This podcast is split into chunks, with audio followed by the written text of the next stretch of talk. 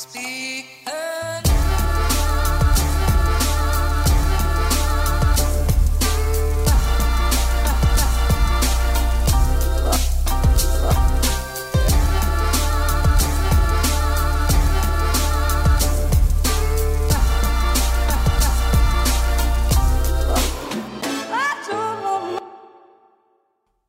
God dag og velkommen hit til Klagemuren. Det er tirsdag 4. oktober og klokka mi er 12.42. Og det er en god dag!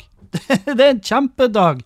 Jeg har to store, gode nyheter. Nummer én, jeg har ikke kreft i pungen min. Woo! Yes! Det må jo være det, må jo være det ønskelige. Det må jo være eh, toppen av eh, kransekaka. Når du tar alle tester og alle undersøkelser, så er det eneste du bryr deg om, er om det er kreft eller ei. Er faen hva det er. Han sa ingenting annet om det. Han bare Ja, vi har gjort et funn, men det er ikke noe, det er ikke noe farlig, sa han. Og da sa jeg vel, musikk i mine ører. Takk for laget, og takk for titten. For det var spesie greier, for å si det. For å si det sånn, så var det en spesiell uh, undersøkelse. Men uh, gode nyhet nummer to er at det kom en det, Altså, de har testa da og funnet ut at søtpotetfries er akkurat like usunt som vanlig potetfries. Og da Det òg syns jeg er en strålende nyhet, for da kan vi ta det søtpotetfriesen og så kan vi hive det på havet. Det, jeg, det var aldri bedre, det smaka aldri diggere. Jeg husker første gang jeg spiste det, var på sånn her eh, jordbærpikene, og så fikk jeg en burger og søtpotetfries, burger i brioche, brød, og søtpotetfries og aioli. Og da husker jeg, jeg bare, hva faen, hva du har gjort med friesen min? Ser jo helt jævlig ut. Ser ut som dere har knust teglstein og brukt det som frieskrydder. Hva det er som har skjedd her? Og jeg husker hun dama var sånn, det er søtpotetfries, de er altså så mye sunnere, vet du. Og jeg bare, ja, det er ok da. Da får vi prøve oss på søtpotetfries. Og så var jeg sånn, ja, det smakte ikke, smakte ikke dritdigg. Det var ikke fette fantastisk, det var det ikke. Men jeg tenkte med meg sjøl, vel, hvis det er sunnere, hvis det er sunnere, så tar så, så tar jeg den. Og da går jeg for den slavisk fremover.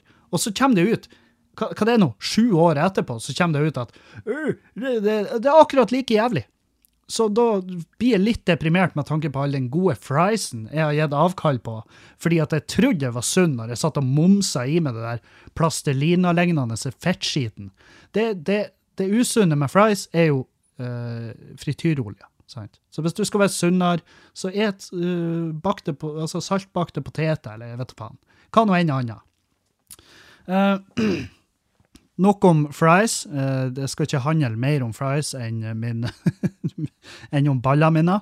Men uh, for dere som ikke henger helt med i uh, svingene, så for noen uker siden så oppdaga jeg at jeg har en, en ekstra kul på kulen min når jeg satt og ja, leker med ballene. Og det burde gutter gjøre ofte. Og jenter burde leke med puppene sine. og Gutter òg burde faktisk da, fordi jeg vet at det går an å få. Menn kan også få brystkreft. Det er litt mer sjeldent, men det kan skje. Så jeg kjenner på puppene mine ofte. Rett så det er at jeg har pupper, at jeg har sett med mannegeitene i, i grepet og klem som om jeg forventer at det skal komme noe ut. Så sjekk dere. La nå det her være min lille, min lille sjekk dere. Um, hvor stor del av meg var skuffa for at jeg ikke var dødsjuk? Uh, 5 Eh, så, altså, ky kynikeren i meg heter det kyniker. Altså, den kyniske delen av meg så jo muligheter, og så også en, en, en, mulig enkel utvei. Men så, uh, 95 av meg hadde lyst til å leve, og det, det er vel det, det, Altså, jeg kan ikke beskrive for dere hvor svært det er at 95 av meg har lyst til å leve. Det, det, det er et høyere tall enn på årevis. Så Nei, fra spøk til revolver, jeg var pissredd. Jeg var, jeg var altså så jævlig redd. Uh, og jeg sov dårlig, som jeg sa at jeg ikke skulle gjøre, men det, det, kan jo ikke styre. De to siste dagene før jeg for og tok ultralyd, var grufull. Og uh, av mange grunner, men grufull på grunn av at jeg var så spent på den undersøkelsen. Og så, så da i går morges så sendte jeg Og så sendte jeg ei eh, relativt eh, hun var, hun var ikke strålende humør, og det skjønner jeg, fordi at Ja, OK. Jeg, jeg kom jo hjem på søndag. Uh, rimelig sliten. Jeg, jeg vil si slitnere enn jeg har vært på ei stund, men ikke sånn der Ikke fyllesyk-sliten eller, eller sånn der. Jeg var bare jeg bare utmatta etter denne turen, fordi at s- jeg har vært bortreist så lenge, og så har jeg liksom vært bortreist fra Julianne, bortreist fra min egen seng, bortreist fra min egen tempurpute, som tydeligvis viser å være livsnødvendig for at ikke jeg skal bli uh, handikappa når jeg er ute på tur. Jeg har hatt så vondt i nakken hele denne jævla turen at du aner faen ikke. Jeg hadde på, på lørdag så spurte en, eh, en publikummer, eller det var ikke en publikummer nødvendigvis, det var, det var noen som var på samme sted som meg etter jeg har vært opptredd på hotellet i Førde. Så var vi ute og drakk i lag med eh, The Locals, kosa oss med det. Og da var det ei som, eh, ei Bertha der, som jeg spurte kan du massere. For hun, hun spurte meg, hun så, hun så at jeg satt og knadde meg sjøl på nakken, og det er jo sjelden å anbefale at du masserer din egen nakke. Jeg vet ikke hvorfor. Jeg, jeg tror det er bare fordi at Jeg tror det er et rykte som massører har satt ut, at uh, du må ikke massere det sjøl, da blir det bare verre. Jeg får det ikke til å stemme. På ekte, jeg får det ikke til å stemme, og jeg tror det er et rykte de har satt ut for å bare berge sin egen bransje. Men nok om det. Det er jeg som reagerer på at jeg sitter og masserer min egen nakke, og så begynner hun å spørre om det, og så spør jeg henne er du flink å massere? Og hun bare nei, men jeg skulle ønske det, for jeg ser at du har vondt. Og da, hun kunne altså hun lova på tro og ære at hun så at nakken min var hoven. Og tenkte det er jo så jævlig usexy. det, det, er liksom, det er ikke der du vil legge på det. Det er ikke der du vil ha ekstra masse. Bare midt bakpå uh, nakken din, sant? Men hun kunne ikke hjelpe meg, så den, den samtalen jeg og hun hadde, den ble kort. Den ble altså så jævlig kort. Og så uh, har jeg jo vært i Oslo, spilla inn Latter Live, og da bodde jeg hos han Jørnis, Josef, og i leiligheten hans, som er jo den samme leiligheten som jeg og Julianne skal leie når vi flytter til Oslo i november. Og det er ei flott leilighet. Fantastisk fin leilighet. Jørnis er en Jeg anser han Jørnis for å være en av mine bedre venner. Altså virkelig en fyr som jeg for det første ser opp til, og for det andre er bare blitt veldig glad i. Og jeg bodde hos han, og var jo ikke Altså, den kjærligheten for han, den, den uh, datt bitte litt i starten der, når jeg innså at det, uh, det gjesterommet var ikke Det, det, det, det, så ut som han hadde hevet inn to søppelsekker med klær, og så han sprengt ei landmine der inne. Og, og øh, han er jo en, en mann som arbeider mye. Han arbeider enorme mengder. Det er så sinnssykt hvor han arbeider. Og han, ja, han har bare ikke tida. Og det sa han til meg da jeg kom dit. Og så sa han at jeg skal blåse opp en sånn der luftmadrass til det. Og det gjorde han. Det kan ingen ta ifra han. Men den luftmadrassen, jeg vet, han må jo ha brukt den som en sånn akebrett ned en, en, eh, en bakke laga av eh, bare nåler. Altså, den var så lekk. Jeg, jeg blåste den opp fire ganger i løpet av en natt. I tillegg så hadde så, så lå jeg, altså i og med at eh, lufta bare seiv ut av den, og jeg ligger på mag, så ble det bretta feil vei. Jeg lå i en ved. eh, bare feil vei. Så prøvde jeg å legge meg på rygg, men da snorka jeg jo så hardt at jeg holdt på å dø sjøl. Så det, det ble liksom bare en sånn ubekvem natt. Og så endte jeg opp med å gå og legge meg på sofaen inne i stua. Og det er jo to ting der. Det at han Jonis bor jo på bakkeplan. Han bor på bakkeplan uh, i, øh, på Torshov. Ganske greit, ganske greit plassert og veldig greit trafikkert utfor der. Og der lå jo jeg på sofaen da naken. Bare med stjerten ute. Og øh, jeg innså når jeg våkna at det var jo midt på lyse dagen, og jeg våkna av at noen sto utfor vinduet og prata. Og da skjønner jeg at hvem som helst kunne ha sett rett inn i rævhølet mitt, og, og det vil jeg bare beklage. Jeg er ikke vant til det her. Jeg er ikke vant til å bo sånn at folk kan bare snike rett inn på ditt aller helligste. Og Nei, jeg vil bare beklage til alle som har trødd på Torshov og mest sannsynlig fikk seg en, en skjellsettende opplevelse idet de så inn i det der han, eneste kjente sorte hullet i vår galakse. Så Så beklager for det. Men det, det, det bidro jo til min, eh, min, eh, min beklagelige søvnkvalitet på stort sett hele turen. Uh, han Jonis merka det på meg, og da ga han meg senga hans. Og det var raust. Jonis sover jo som Han kan sove stående. Jonis er en hest. Han er en arbeidshest òg, så jeg, jeg, tipper han bare sniker seg litt søvn hver gang han tar en heistur eller, eller noe sånt. Han er, han er veldig flink til søvne, uansett faen hvor han er. Jeg merker det når vi har vært på tur i lag og gjort standup. Han, han fyren han har nada problemer med å sove i bil, f.eks. Uansett hvilken bil, uansett hvilken vei vi kjører. Altså, det gir han faen i. Han får sove. Så det er en, det er en, han, er, han er en bedre mann enn meg når det gjelder akkurat det her. Og jeg var i Oslo for å spille inn Latter Live. Det var en jævlig chill tur. Vi tok det ikke så jævlig hardt ut. og Jonis er sliten, jeg er sliten. Mange som var sliten. Så vi satt, eh, jeg og han satt basically bare hjemme hos han og så, eh, så film. Så Game of Thrones, eller hva det heter. Uh, Targaryens, eller Dere vet nå. Den nye Game of Thrones-serien. Uh, og så masse, masse fett på, på YouTube, eller på HBO, så har de en serie som heter Rehearsal. Rehearsal. Som omhandler en sosiopat og det, det, her er ekte, liksom. Det, her, det omhandler en sosiopat som er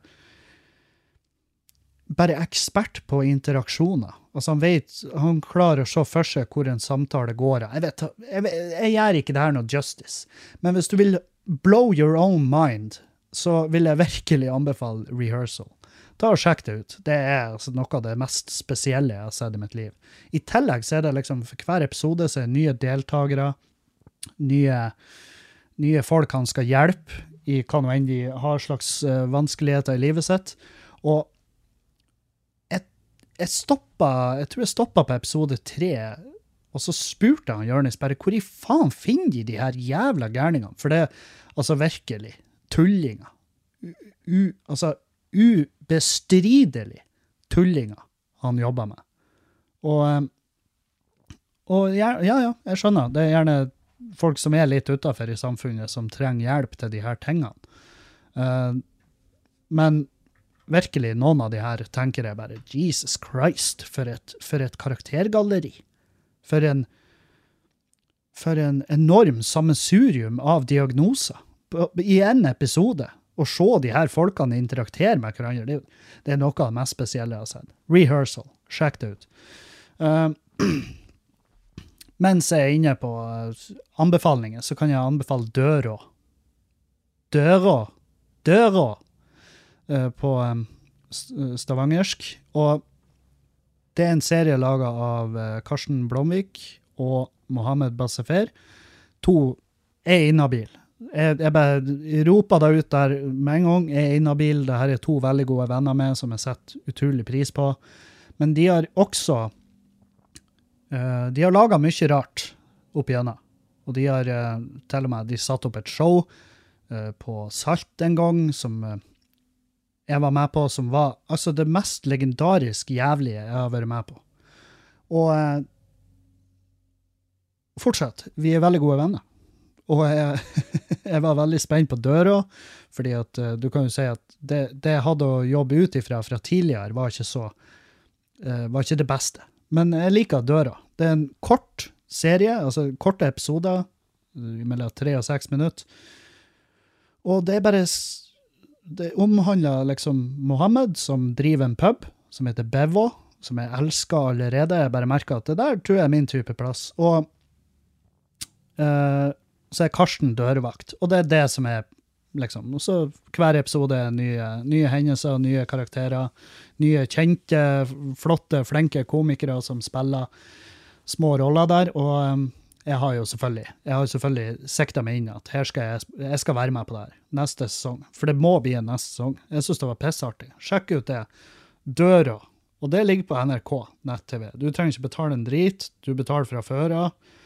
Eh, bare fær inn og sjekk det ut. Sjekk det ut, Knut. Og eh, hvordan gikk det på Latter Live? Hvordan gikk det på Latter Live? Det gikk bra. Jeg var altså så inn i helvete nervøs. Å, fy faen. Og i retrospekt så skjønner jeg ikke hvorfor. Men det er jo ikke noe jeg har bestemt meg for. Men jeg jeg bestemte meg for det. Jeg skal gå på der, og jeg skal gjøre eh, et så bra arbeidsstykke som mulig. Og jeg vet at Latter Live det kommer ut i februar. Um, og jeg må velge en bit som jeg har lyst til å bli kvitt. Og, og sant, En bit som er bra, men også som er på tide å legge bort. Og da gjorde jeg For dere som har sett meg på scenen det siste året, halvannet, så gjorde jeg den homofob eh, russerbiten. Og det er en bit jeg er veldig fornøyd med sjøl, og en bit som er også sann. Til, eh, til en veldig Altså, stort sett til siste ord er den sann. Men det er bare en flott bit som omhandler meg og en, um, en fast gjest jeg hadde på Skubaret. Og en interaksjon, en god jeg, jeg vil ikke engang si fast gjest. En god venn av meg, som jeg ble kjent med via Skubaret. Og så var det en interaksjon jeg og han hadde en kveld mens jeg ikke var på jobb. Vi satt og drakk i lag, og eh, den er bare timeless. For det var en helt fantastisk utveksling av ord vi hadde der. Uh, og den ble om til en bit som, uh, som nå skal på Latter Live. Og jeg gikk på scenen der, og jeg skalv altså så inn i helvete i føttene. Føttene mine de, de vibrerte som en presenning i vin. Jeg, jeg sto der, jeg sto og så ned på føttene mine, og jeg fatta ikke at jeg nevnte det. For det er det som irriterer meg mest, at jeg ikke nevnte det når jeg sto på scenen. Men Hva faen er det som skjer med de føttene? Men ja, det hadde mest sannsynlig ødelagt flyten i biten. Så Og NRK har filma Nei, TV 2. Oh, sorry. Sorry. Oh, sorry. Eller er det NRK? Det er vel NRK. Hvem nå enn. Eierne av kameraene og eierne nå av materialet mitt, eh, de, eh, de filmer jo fra mange forskjellige vinkler, så jeg håper Det er to ting jeg håper. Jeg håper de klipper bort føttene mine der jeg står i ro, sånn at ikke det vises at de rista. Og så håper jeg også at de For jeg hadde et øyeblikk der jeg henvendte meg til profilkameraet midt i biten, og når jeg sa noe smart, og så gjorde jeg sånn Du vet sånn Der jeg blunka med ett øye. Inn i kameraet. Hvis det blir hvis det blir klippet riktig, så blir det fette rått. Det blir en bra bit. Jeg gleder meg til det kommer ut. Og jeg håper den går viralt. Og jeg håper at livet mitt bare tar ei vending som er helt sinnssyk. Sånn at jeg bare kan ikke Jeg kan ikke ta unna alt. Jeg kan ikke ta unna alt det jeg har lyst til å få til. Sant? Så det er det jeg håper. Men det er jo Tida vil vise. Nei, så det var en flott eh, runde på Latter Live. Jeg var også testa på mandagen, for Latter Live-innspillinga var på onsdag i forrige uke. Men på mandagen, når jeg var kommet til Oslo, sliten etter ei helg eh, Jeg hadde vært hjemme, eller vi har vært på hytta, og så hadde vi vært i Meløy og gjort show. Jeg, Jonis og Henning fredagen før. Det her blir litt rart. Jeg merker at kronologien min er jo helt fucka akkurat nå. Men OK, la meg legge opp tidslinja, sånn at dere skjønner hvor, hvor jeg er hen. Uh, skal vi se. Og nå må jeg ta opp kalenderen, fordi at hvis du spør meg hvor jeg var i går, så har jeg ikke peiling. OK. 23. september, det er da fredag. Da var vi i Meløy. Jeg, Jørnis og Henning Bang. Vi hadde med oss han Nikolai som eh, sjåfør, og så hadde vi med oss Julianne, som eh, hun hjalp oss i døra. Så vi var et arbeidsgjeng. Et bettelig arbeidsgjeng. Og vi for til Meløy kulturhus, og vi hadde mye arbeid foran oss. fordi at hvis du skal arrangere i Meløy, så må du gjøre det sjøl. Du, kan- du, kan jo, du kan ikke sette og vente på kulturkontoret. De, jeg vet ikke hva de gjør der, men eh, de gjør sikkert noe. Noe gjør de. For stillingene finnes, og midlene blir bevilga, men ikke til oss, i hvert fall. Så vi har leid huset kjører innover, tar over nøkler og begynner å rigge og styre. Og vi må gjøre alt sjøl. Rigge opp lyd, rigge fram stoler, uh, sette Julianne og Nikolai i døra og tar imot folk. Og vi hadde innslipp klokka åtte, og så hadde vi showstart klokka ni. Og jeg, altså, jeg kødda faen ikke. Det var før klokka ni.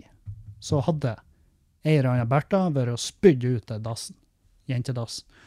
Og hun hadde ikke bare spydd litt, hun hadde altså spydd alt i hele verden. Og hun hadde spydd overalt unntatt nedi dassen. Det var vegger, tak, gulv, eh, dassrullholder oppi, opp, oppi den koppen. Oppi koppen til dassbørsten, var det spy. Og det var grusomt spy! Det var ikke sånn der, det var ikke sånn der eh, sånn, du vet Altså, det, der er to typer spy. Du har den som lukter, altså noe helt borti helvete. Det var den. Det er den typen spy vi snakker om. Ikke den der som er bare væske, som du kan bare hive noe tørk i på, så har det aldri skjedd. Det her var altså så fitte grufullt at når du gikk inn døra der Jeg så da, Jeg fikk beskjed om jeg fikk beskjed om spyet når jeg så andre jenter gå inn på dassen der og komme ut mens de brakk seg. da skjønte jeg at noe har skjedd der inne. Og jeg husker jeg gikk inn der og tenkte jeg håper det er en bæsj. Jeg håper det er en bæsj som ikke er skjølt ned, men jeg skjønte jo i det sekundet jeg kom inn, at nå, nå har vi med spy å gjøre.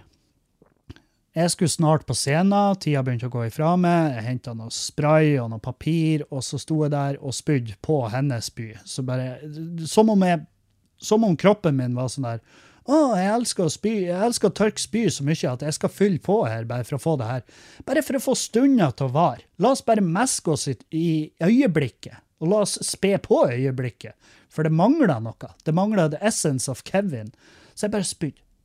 Opp på spyet, og så eh, ble det ferdig, og da, når jeg gikk på scenen, så var jeg altså Da var jeg sur. jeg var altså sur. Jeg var sur fordi at Og det her er også en av grunnene til at vi ikke burde arrangere sjøl. Fordi at vi står opp kjempetidlig, hiver i bilen, alt av utstyret. Jeg drar på flyplassen to ganger og henter han Henning, og så henter jeg han Jørnis litt seinere, og så kjører vi til Meløy og vi rigga opp, og vi rigga ut stoler. Vi betaler 7000 kroner for å leie det jævla huset. Ehm, um, Laddi-daddi-da, videre og så videre og så videre. Vi slipper inn folk, vi skanner billetter, vi er i kontakt med billettservicen fordi at det er noe feil. Det er masse stress. Det som bortgår da, er jo den tida jeg burde bruke på å forberede meg på show. I tillegg så får jeg får jeg en viss sånn avsky for noen av publikummerne før jeg går på scenen. Sånn at, og det er fordi at publikum er tidvis vanskelig å ha med å gjøre, spesielt når de begynte å drikke i fjor for å, for å ha et for å ha et, eh, et, et bra forspill til denne kvelden. Så bare begynte de i 2021 å drikke. Og, og, det er noen. Jeg, jeg, må bare si til Meløy-publikummet, tusen hjertelig takk. Dere, altså, brorparten av dere er fantastiske mennesker. Og det verste av alt, de er hater der, det er et par stykk som er bare sånn Jeg hadde ikke kommet til å rope høyt om jeg så en bil Kom i full fart mot dem. Jeg er bare sånn La nå la no skjebnen gjøre sin greie. Og, og det verste av alt med de her folkene, det er at de skjønner det ikke sjøl. Jeg tror ikke de skjønner det sjøl i dag hvor jævlig irriterende de er. Og det her er folk som åpner. altså Først så kommer de inn, og så går de og setter seg der hvor det er jævlig åpenbart at vi ikke vil at folk skal sitte. Vi har klappa ned setene der, og det står mange andre seter åpne. Men de velger å gå og sette seg der det er klappa ned seter. Jeg går og sier fra til de, jeg blir møtt med Altså, jeg blir møtt av en bitte liten, kjempenydelig Altså, han er så kjekk, han er så fin, flott liten gutt. Men han er altså faen meg noe av det frekkeste og det jævligste menneskene jeg har interaktert med i hele mitt liv. Så den, uh, det glimtet i øyet jeg hadde til han, hvor jeg smila, for jeg tenkte fy faen, for en flott ung mann, det gikk altså så jævlig over til å bli Jesus Christ, jeg har lyst til å drepe foreldrene dine foran øynene dine, og så bare la det leve videre. så, så forbanna var jeg på slutten. Men vi fikk de nå til å høre sånn høvelig etter, og det samme gjengen, de bare fortsetter. De kauka, ropa under show, svarer han Jonis på alt han spurte om. Til slutt så var han sånn her, kan dere holde kjeft? Kan dere bare rulle igjen og holde kjeft? Og det, det funka som faen i ti minutter. Og jeg har fått Instagram-melding fra ene fyren, og de omtaler seg sjøl som VIP, og det, det er de ikke. De er ikke VIP, med mindre det står for 'very irriterende person'. Men det gjør ikke det. Det, det gjør ikke det i det hele tatt. Og de var ikke VIP. De var ufattelig irriterende. Og jeg vedda på at hun der jenta som spydde ut tassen, var en del av det gjengen. Jeg vet ikke hvorfor jeg vedda på det, men jeg, det bare passer profilen. Det passer virkelig den lagprofilen der. Så uh, takk til VIP-ene. Dere uh, var altså et tilskudd jeg kunne ha klart meg så ufattelig godt uten. Men resten av publikummet i Meløy, fantastisk. Helt nydelig. Det var et kjempeshow. Det var dritartig. Uh, alt i alt. Og vi mollkoser oss. Og vi blir jo og gjør det igjen. hver gang. Og det her sa jeg, jeg vet det var mange som hørte det òg, og jeg sa det her er faen meg siste gangen. Det er altså siste gang. Og det sa jeg flere ganger i løpet av kvelden. Men det var fordi jeg var stressa, jeg var lei av å tørke spy. Vi måtte også vaske huset ikke sant? etter vi hadde jaga ut publikum, og vi egentlig skulle ned på puben. Så må vi først må vi vaske ned huset, rigge sammen stoler, få pakka ned alt og skrudd av lys og stikke derifra. Så, så jeg var ganske sliten når jeg for derfra. Da sier, da sier jeg gjerne sånne ting. Som at det er siste gang. Det blir jo ikke siste gang. Jeg koser meg med det. Jeg har det artig der. og og vi, men vi var ganske slitne etterpå. Og så snakka vi om ja, nå drar vi på hotellet. Og så sa jeg nei, vi skal på puben. Jeg skal i hvert fall på puben. Hva dere gjør, det driter jeg i, men eh, jeg skal på puben en tur. Og så var Jonis sånn, ja, men hvorfor, hvorfor skal vi på puben? Så Jonis, vi har reist helt dit. Vi har gjort det her showet, vi har rigga opp, vi har vaska. Og da må vi vi må dra på puben. fordi at det er der historien blir laga. Det er der historien blir skrevet. Det er der vi opplever ting, det er der vi møter folk. Det er liksom og, og, det er stas. For flere av de folkene som har kjøpt billett til i kveld, så er det stas å få se og møte han Jonis. Selvfølgelig er det det. skjønner jeg kjempegodt. Han er jo en av Norges mest profilerte komikere akkurat nå. Og han var enig. Han var, heldigvis var han enig. Men du har helt rett. Vi drar nedover. Og vi for nedover. Vi var på puben i kanskje en time. Uh, og det var En time var nok. Jeg var, jeg var jo ferdigsliten. Det var det som var eh, fri for energi. For ned dit. Kunne søvna sittende der midt i børsen. Altså, det var så høy lyd, det var så mye folk, og noen av de folkene han Jonis sa da bare sånn at han var kommet til et punkt der han måtte spørre seg sjøl, når han snakka med folk, om det her var en dritingsperson, eller om det var en hjerneskada person. Eller om det var begge deler. Og, eh, og eh, ja. Så det er Det er vel det du kan, kan komme i fare for å oppleve på den puben. Jeg husker vi satt i en sånn gjeng, og så sitter Jørnis, Jul, nei, sitter Julianne, Jørnis og ei ukjent jente innenfor Jørnis. Og hun sitter da sånn at er, det er et bord imellom hun og resten av puben, så hun sitter veldig godt. Men hun ser litt sånn, du ser at hun er full. Og Så sitter jeg på andre sida av bordet og prater med en kompis uh, fra gammelt av. Og da kommer det altså opp en huleboer. Og jeg vet hvem han fyren her er. Han er født og oppvokst i, i Bjerangsfjorden. Han er en spesiell type. Og uh, han ser veldig sånn han, han, minner meg litt, Fjeset hans minner meg litt om han Clay Morrow fra Sons of Anarchy. Så du skjønner at det her er, det her er et sånn mellom Altså, du har, du har uh, det som vi anser for å være våre forfedre, altså våre forstadier til Homo sapiens. sapiens. Huleboer. Looking jævel. Med som bare kommer bort. Og han brøyter med til sides, og så lener han seg over bordet, og så tar han hun jenta i handa og bare drar henne mot seg.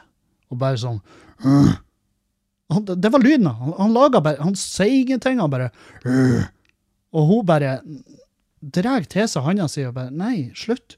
Og så tar han handa en gang til. og så bare drar han enda litt hardere og litt høyere, sånn. Og hun bare 'Nei, la meg være.' Og så han bare eh, Og så går han.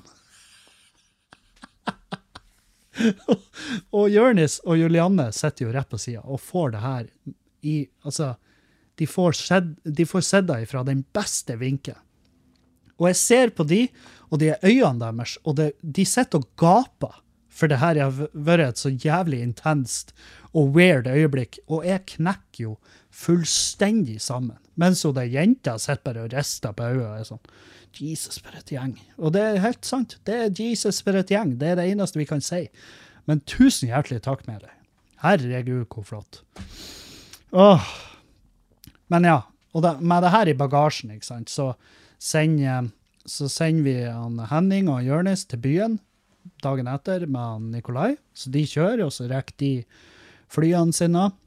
Og så hiver jeg og Julianne oss i bilen, og så kjører vi over på hytta. Hytte? Ja.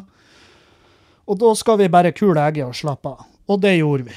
Gud bedre, vi slappa av. Vi kosa oss, og det var Nei, det var, en, eh, det var en jævlig fin tur på hytta. Og eh, vi trengte det. Gud bedre. Og det blir mer av den slags fremover. Det har vi, det har vi prata om, og blitt enige om at det kanskje er bare smart at vi tar oss av og til en dag eller to, og så bare logger oss litt av internettet. Vi får hjem på søndag utover dagen, og så reiser jeg til Oslo på mandag. Og når jeg da kommer til Jonis, hooker opp med han, og så drar vi, vi ut på en ny scene der, på eh, Rabalder, tror jeg det heter.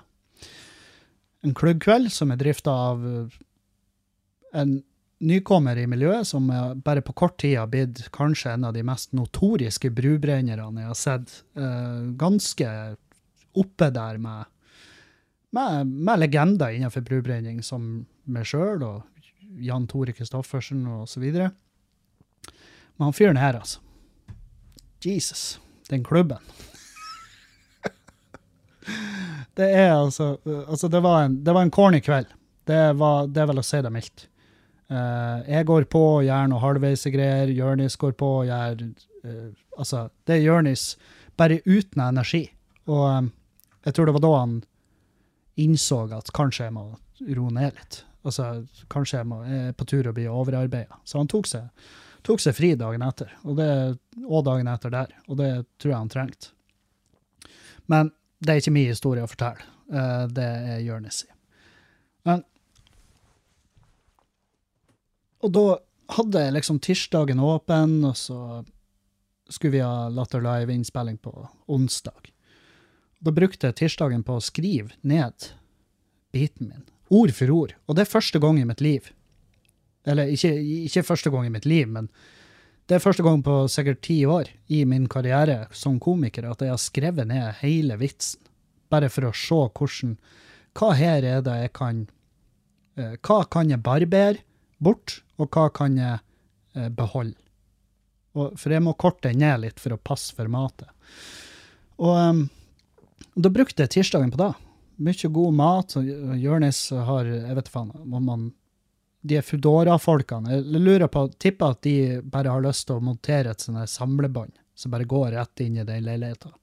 Så bare slipper de å sende syklistene av gårde. De kan bare hive maten på det samlebåndet fra sentrum, og så havna det i kjeften på Jonis til slutt. Jeg tror, vi, jeg tror han bestilte jeg tror han bestilte mat tre ganger i løpet av en dag. Tre runder med mat fra vilt forskjellige verdensdeler. Fantastisk. Nydelig cuisine. Og eh, det var det vi gjorde. Vi bare kosa oss. Spiste og, spist og kosa oss, og jobba med biten vår. Uh, og så var det da Latter Live, innspilling, det gikk bra. Go, going uh, videre. Dagen etter så reiser jeg til uh, Bergen fordi at jeg skal til Førde på fredag. Og da skal jeg og Jon Heggeland kjøre i lag fra Bergen på fredag. Så da reiste jeg like gjerne bortover til han på, på torsdag allerede. Og da ble det maks avslapping der, og så for vi eh, rundt lunsj dagen etter mot Førde. Plukka vi opp han Daniel Iversen, som er en komiker fra Tromsø. Vi hadde med Anna Heggeland, som er søstera til Jon Heggeland. Hun skulle stå for første gang, som var helt uh, nydelig. Bra debut. Relativt slitsom tur uh, bortover. Mye halloi og prating i bilen, og ja, fikk ikke Fikk ikke uh, helt kobla av. Men eh, til slutt så tok jeg bare på meg headsetet, og så søvna jeg. Tok på meg headset og spilte Gorgorot og søvna. Um, og på, i, i Førde, når vi kommer dit, så er det en scene, den heter Larris. Det er på samme bygge som hotellet. Så det er liksom, vi kan gå tørrskodd til scenen og tørrskodd tilbake på rommet. Og eh, det var, vi fikk beskjed om at det var solgt 16 billetter når vi kom dit. og da eh, sa, sa det bare Det er derfor du ikke svarer meg når jeg spurte om hvor mye billetter som var solgt. Du var redd. Du var redd for å være ærlig. Og eh, jeg kjenner meg igjen, for jeg har vært i samme rolle. Når jeg drev klubben her i Bodø, så var det det typiske spørsmål man får ifra komikerne, det er hvor mye billetter er solgt. Og som regel har man ikke lyst til å være ærlig, fordi at man blir jo litt redd for at de bare skal foreslå at vi avlyser. Og det har skjedd. Uh, men til syvende og sist så kom det jo en del, litt mer folk, så jeg tror vi var en 35-40 stykk, og det var helt, helt OK stemning. Det var ikke et show som noensinne tok helt av. Uh, og ja, alle komikerne som gikk på, måtte, måtte jobbe for, uh, for salt i maten. Og uh, det gjør meg ingenting. Det var et fint show sånn sett. Jeg fikk testa nye greier. Noe funka, noe funka ikke. Eh, så det tar jeg med meg videre. Og noe blir igjen i Førde. Dagen etter så var jeg tilbake til Os, og så reiste jeg hjem på søndag. Og da når jeg kom hjem, så var jeg altså sliten. Da var jeg bra sliten. Um, for det har vært mye kjøring, mye halvveis søving, mye folk, mye nye folk. Mye ting som har okkupert hodet mitt, som for eksempel den testikkelkulen min som jeg skulle inn og sjekke. Så når jeg kom hjem på søndag, la meg på sofaen i lag med Julianne, og vi så Vi starta Jeffrey Dahmer, eller Dahmer-serien fra Netflix. Og, og den starta jo ganske Altså, den starta litt tregt, så det tok ikke lange tida før jeg søvna. Og jeg tror jeg sovde Altså, jeg sov gjennom tre episoder. Kun våken i de øyeblikkene der jeg lata som jeg ikke sov. Fordi at jeg merka at jeg snorka eller noe sånt, og så, så vekker jeg meg sjøl. Så jeg blir sånn «Øh, Ja, ja, nei, eh, ja, bra. Herregud, for en serie. Så kom meg sånn der, av og til til Julianne, og hun var sånn mm, ja, ja. For hun, hun vet jo at jeg ligger og sover. Uh, og det er liksom eh, Det er liksom søndagen. Og da når jeg går og legger meg, oppe på soverommet, jeg overtaler Julianne til å la meg sove inne på hovedsoverommet, der vi begge har lyst til å sove. Uh, og det endte med at hun sto opp i firetida og forlot rommet. Så derfor var jo ikke hun i sånn her psyko bra humør dagen etter, og det skjønner jeg. Uh, men hun holdt seg i skinnet, det merka jeg, og sikkert fordi at jeg skulle fære om en time da og sjekke testiklene mine for kreft. Så hun var sånn, ønska meg lykke til på den, og, men jeg vet at klokka fire den natta når hun sto opp fordi at jeg lå og snorka, ja, da tror jeg en liten del av henne var sånn Faen, jeg håper det er kreft, altså. og hvem kan blame henne? Hvem kan blame henne?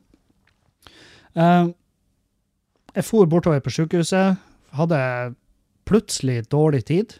Det var jo ikke meninga. Men jeg ville ikke sett deg borte noe lenger enn nødvendig, fordi at jeg er ikke så glad i sykehus. Jeg synes det sykehus jeg, har, jeg forbinder kun med fordervelse og jævelskap. Og, og jeg sitter der, og det tar litt lengre tid enn det som var forespeila, og jeg var og sjekka i skranken at jeg hadde sittet meg på rett venterom, og det hadde jeg. Og til slutt så får jeg komme inn. Og da sier jo sykepleieren at uh, jeg skal bare ta av meg, og så skal jeg legge meg på bordet, en sånn benk, og så legger hun en håndduk over bokseren min, og så sier hun nå kan du ta av bokseren. Så tar jeg av bokseren, og så går hun bare. Og så ligger jeg der i sånn ti minutter, kvarter. Søvner av på et tidspunkt. Um, og jeg tenkte når jeg lå og sov der, at det må, det må se brutalt ut. Der ligger en svær, naken mann med bare bokseren hengende fra den høyre foten utfor senga. Og hendene bare ligger henslengt, og så en pung som stikker ut under en, en håndduk. Hvis noen hadde kommet inn der, så hadde de tenkt at uh, det her, han her skulle jo være Han skulle, skal jo ikke være her, han skal jo være på rettsmedisinsk. Men etter langt om lenge så kommer det inn to uh, teknikere som hva hva det heter for noe? Det heter røntgenlege. To røntgenleger. Hun ene er en eh, ung. Ung, eh, mest sannsynlig i praksis, nyutdanna innenfor faget. Og så er det en som heter Bogdan, eh, som er en ja, han, er, han er en ringrev, tipper jeg. Han har gjort det her i mange år. Så det, jo, det ligger jo litt i kortene at studenten, eller praksis, praksis, praksis, praktikanten, skal få test, skal få prøve seg på ultralyd av eh, min, min pung, og det har jeg ingenting imot. Det er ikke nøye for meg hvem som gjør det. Det er uansett grusomt å ligge der. Så får jeg beskjed om å ta et godt grep om, om penis og dra den opp, sånn at pungen bare blir eksponert og stikker ut som en liten som ballbukett der.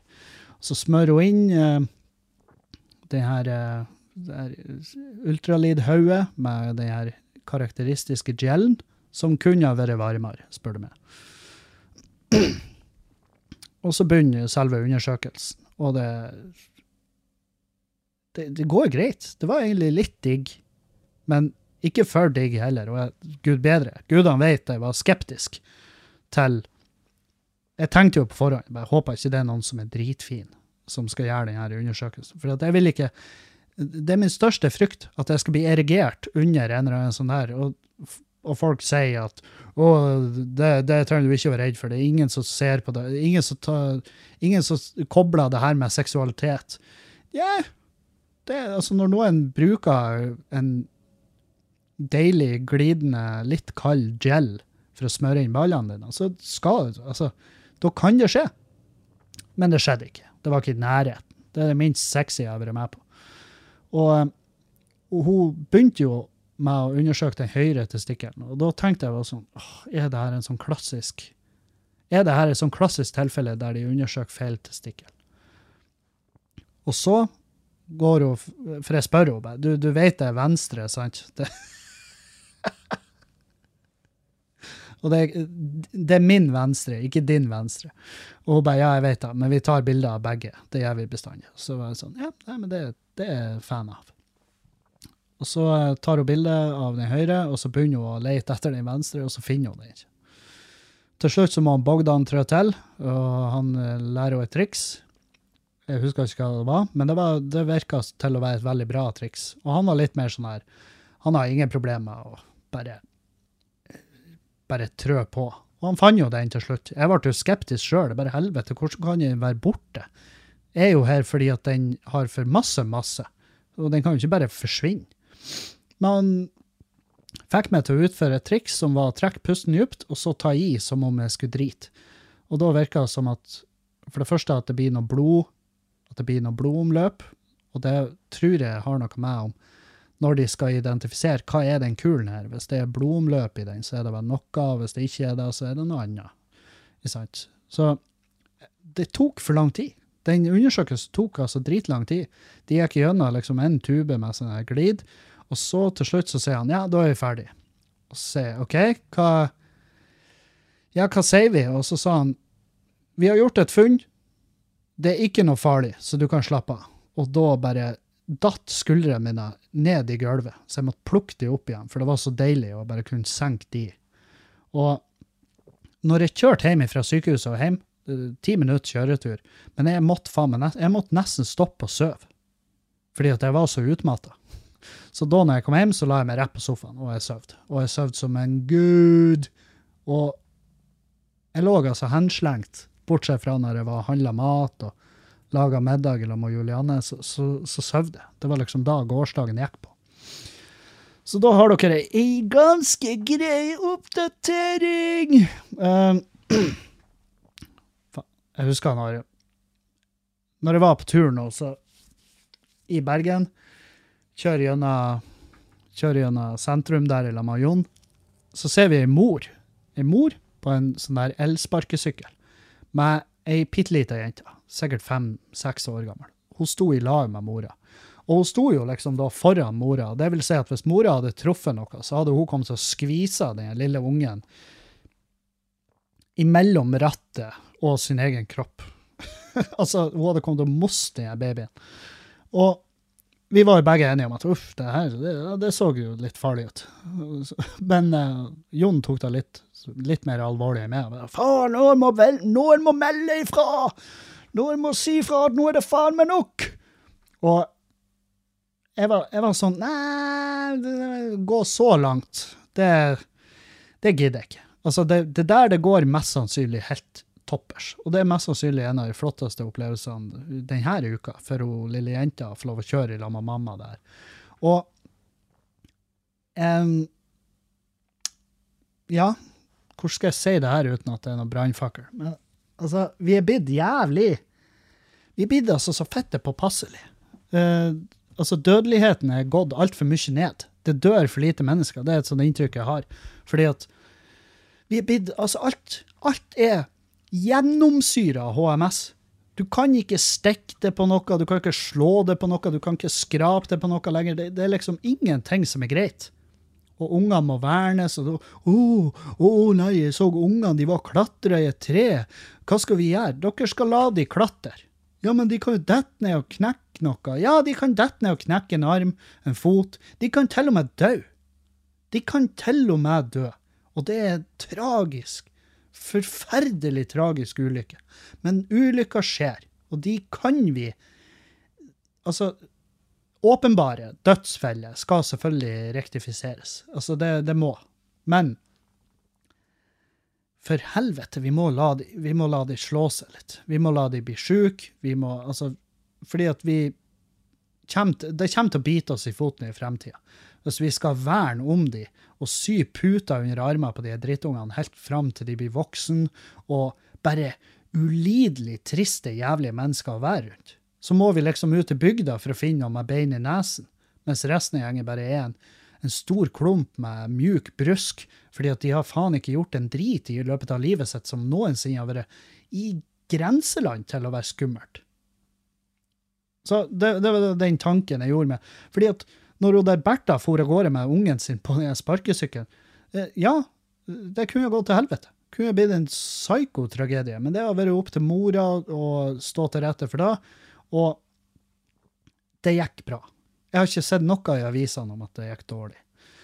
Og det fikk meg til å tenke på alle de tingene pappa drog, drog med og brødrene mine med på opp gjennom tida. Altså, jeg har ligget ute i snø og, og og uh, trena til å bli skarpskytter. Hvor det var liksom ja, Putt snø i munnen. Putt snø i munnen, sånn at ikke fienden kan se uh, Sånn at ikke fienden kan se uh, dampen ifra Altså se røyken ifra munnen. Liksom. Jeg bare Å, helvete, smart. Lå og frøs, hadde ikke følelse i føttene lenger. Og vi lå bare og så. Det var oppe på skytterbanen. Så det, vi, vi, vi venta ikke på en reell fiende. Vi venta bare på at han skulle si at nå var målet uh, grønt, klart for å ta oss ut. Og, da, og, sånne ting gjorde jeg. Han pappa han stroppa på med den her eh, paraglideren sin en gang. Fordi at jeg var superskeptisk til at han pappa drev på med paragliding. Jeg syntes det virka dritskummelt. Han har måttet brukt nødskjermen en gang, og en gang når han var ute og fløy, så var det en, en kompis av han som fløy, han fløy i lag med, som fikk hjerteinfarkt i lufta. Og bare krasjlanda ned i en skog, og han måtte liksom berge livet til fyren. Og jeg var sånn Det er slutt med paraglidinga. Jeg skjønner at han søker Han søker en eller annen viss form for, for uh, ja, bare for å få kjenne på adrenalinet igjen. Han har vært i eh, militæret, vært i alle år, vært i utenlandstjenester. Altså, han har gjort Han har sett greier som ville holdt folk uh, våken. Sant? Så han søker spenning i nye ting etter at han dimitterte fra det der grusomme statsfinansierte drapslaget sitt. Og, og da var det en dag at han bare Ja, nå skal du få lov å være med. Skal du få kjenne hvordan det har på seg den sekken og trekke litt i trådene. Og, og tok han med meg ut på Halsosa, som er en plass på, på eh, Halsa. Og eh, da tre ute på et jorde der. Sant? Flott, fint jorde, det er grønt så langt du kan se. Det er bare helt nydelig. Nydelig dag, masse sol. God stemning umiddelbart i og med at det er sol. Og eh, han trer på med den sekken, og så ligger jo den skjermen ute, og så sier han Så sier han bare ja, så prøver du å dra de prøver du å dra de trådene. Og jeg drar i trådene, og skjermen kommer opp, og han Kevin fær altså så fette av gårde nedover det jordet. Og når jeg begynner å få noen meter høgde, så får jeg panikk. Full panikk, og da slipper jeg. Jeg bare slipper alt, og jeg dundrer ned i bakken, og Og får kjeft fordi at jeg holder på å ødelegge skjermen. Um, så altså, poenget mitt er bare at jeg, jeg overlevde jo. Jeg tror ikke jeg tok noen varig skade av akkurat det der. Det kunne jo selvfølgelig ha blitt en full, altså det kunne jo ha blitt skikkelig tragisk. Altså, hvis jeg har fått 50 meter høgde, fått oppdrift og bare forsvunnet inn gjennom bygda og deisa ned i et tak eller noe sånt, det kunne gå til helvete, men det gjorde ikke det. Det ble jo, det ble jo en viss historie til slutt. Og Nei, bare men eh, det det er vanskelig å snakke om det her uten å høres ut som en gammel gubb, fordi det er jo en masse greier som vi fikk lov å gjøre, og som vi ble på en måte tvinga med på når vi var yngre. Um, ting som ikke burde eh, skjedd da, og i hvert fall ikke burde skje i dag, men uh, av og til når jeg når, når jeg ser foreldre hvor forsiktige de er med ungene sine, så tenker jeg av og til at øh, det der skal faen meg bli en ganske patetisk liten klump med gelé som ingen kan røre eller hoste på, eller det bare, Men det er bare min Det er bare noe jeg tror. Jeg tror ikke det er sant. Jeg tror ikke det er de jeg tror ikke det er så enkelt som at å, alle fremtidige generasjoner kommer til å bli et gjeng med fetthull. Nei, jeg tror ikke det. Og da mener jeg ikke Jeg prøver å slutte å bruke fetthull som et skjellsord. For det er jo ikke et skjellsord. Det er det nydeligste stedet i hele verden. Det er er der man vil være. Sant? Så jeg tror ikke at alle fremtidige generasjoner blir patetiske, små pingler. Men det hadde vært artig hvis det viste seg at ja, det var helt rett. Vi må, de her folkene de må faktisk ha på seg hjelm, og de må ha kjeledress med, med bulletproof vesting, og så må de ha sånn rollerblade-beskyttelse for albu og kne. Og så, kan de, så kan de bare fortsette å leve som normale mennesker, bare innpakka. Um, er det sant? Er det ikke sant? Ja, får vi kun vite med tida. Så bare hold tanken. Uh, jeg har fått spørsmål om hva jeg syns om at regjeringa gikk inn og knatra lærerstreiken.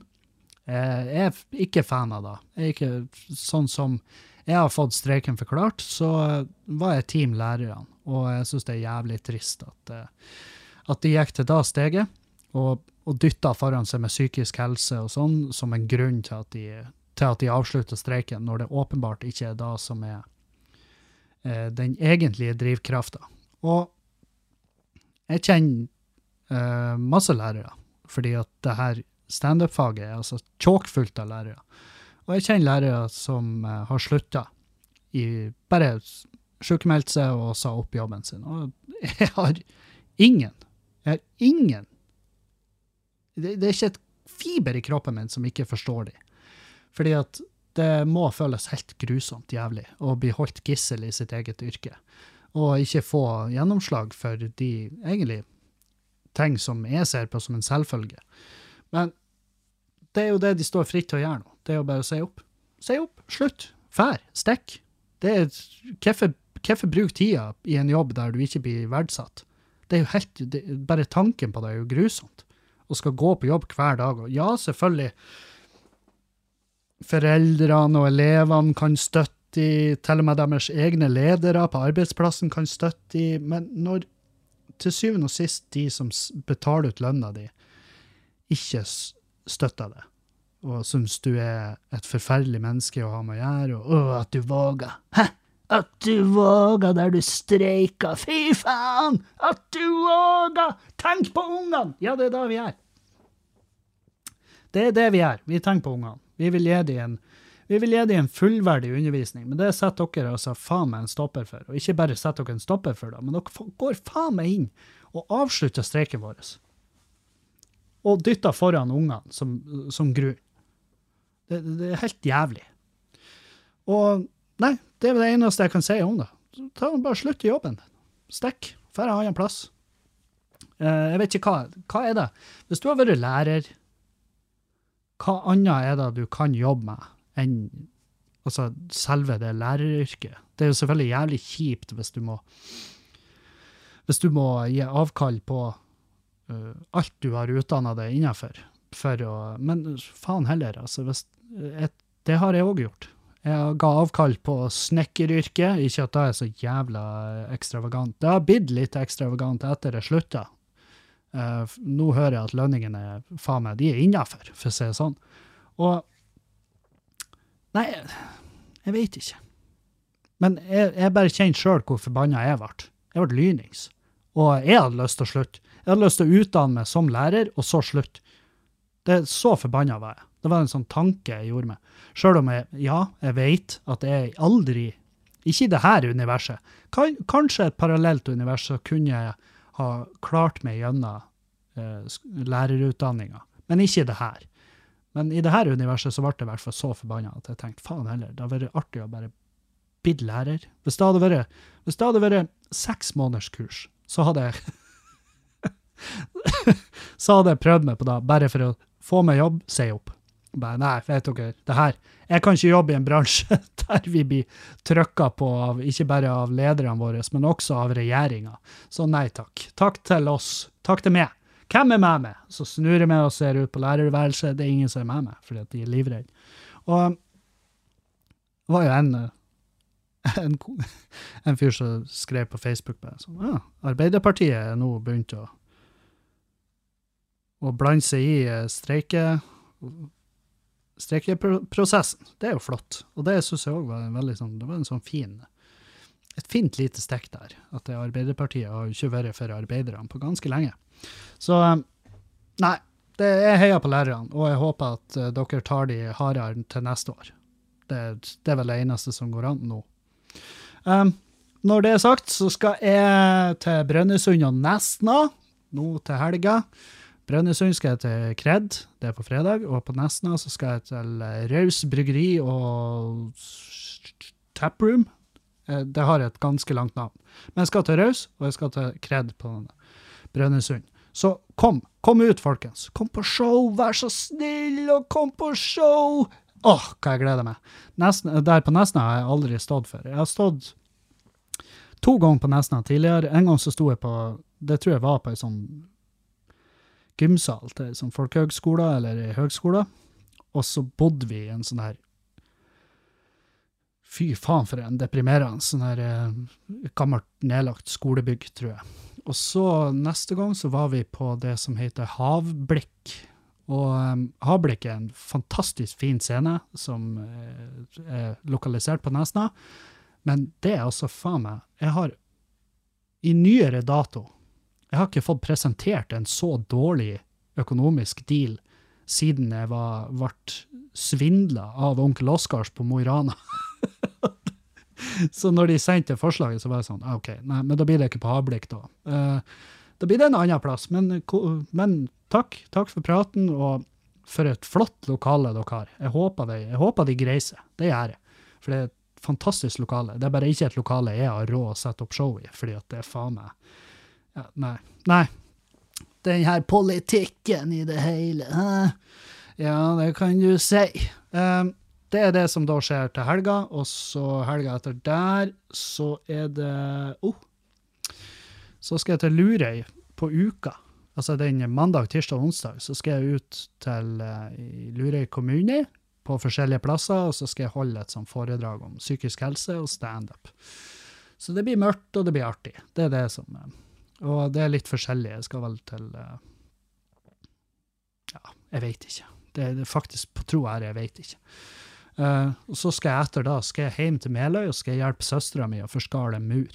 Det er og så Og så skal vi til Træna den 20. oktober, og så skal jeg til Oslo den 21. oktober, og så skal jeg til Buvika den 22. oktober i lag med han Dag Sørås. Uh, så ta dere turen. Uh, hvis dere bor i Trondheimsområdet.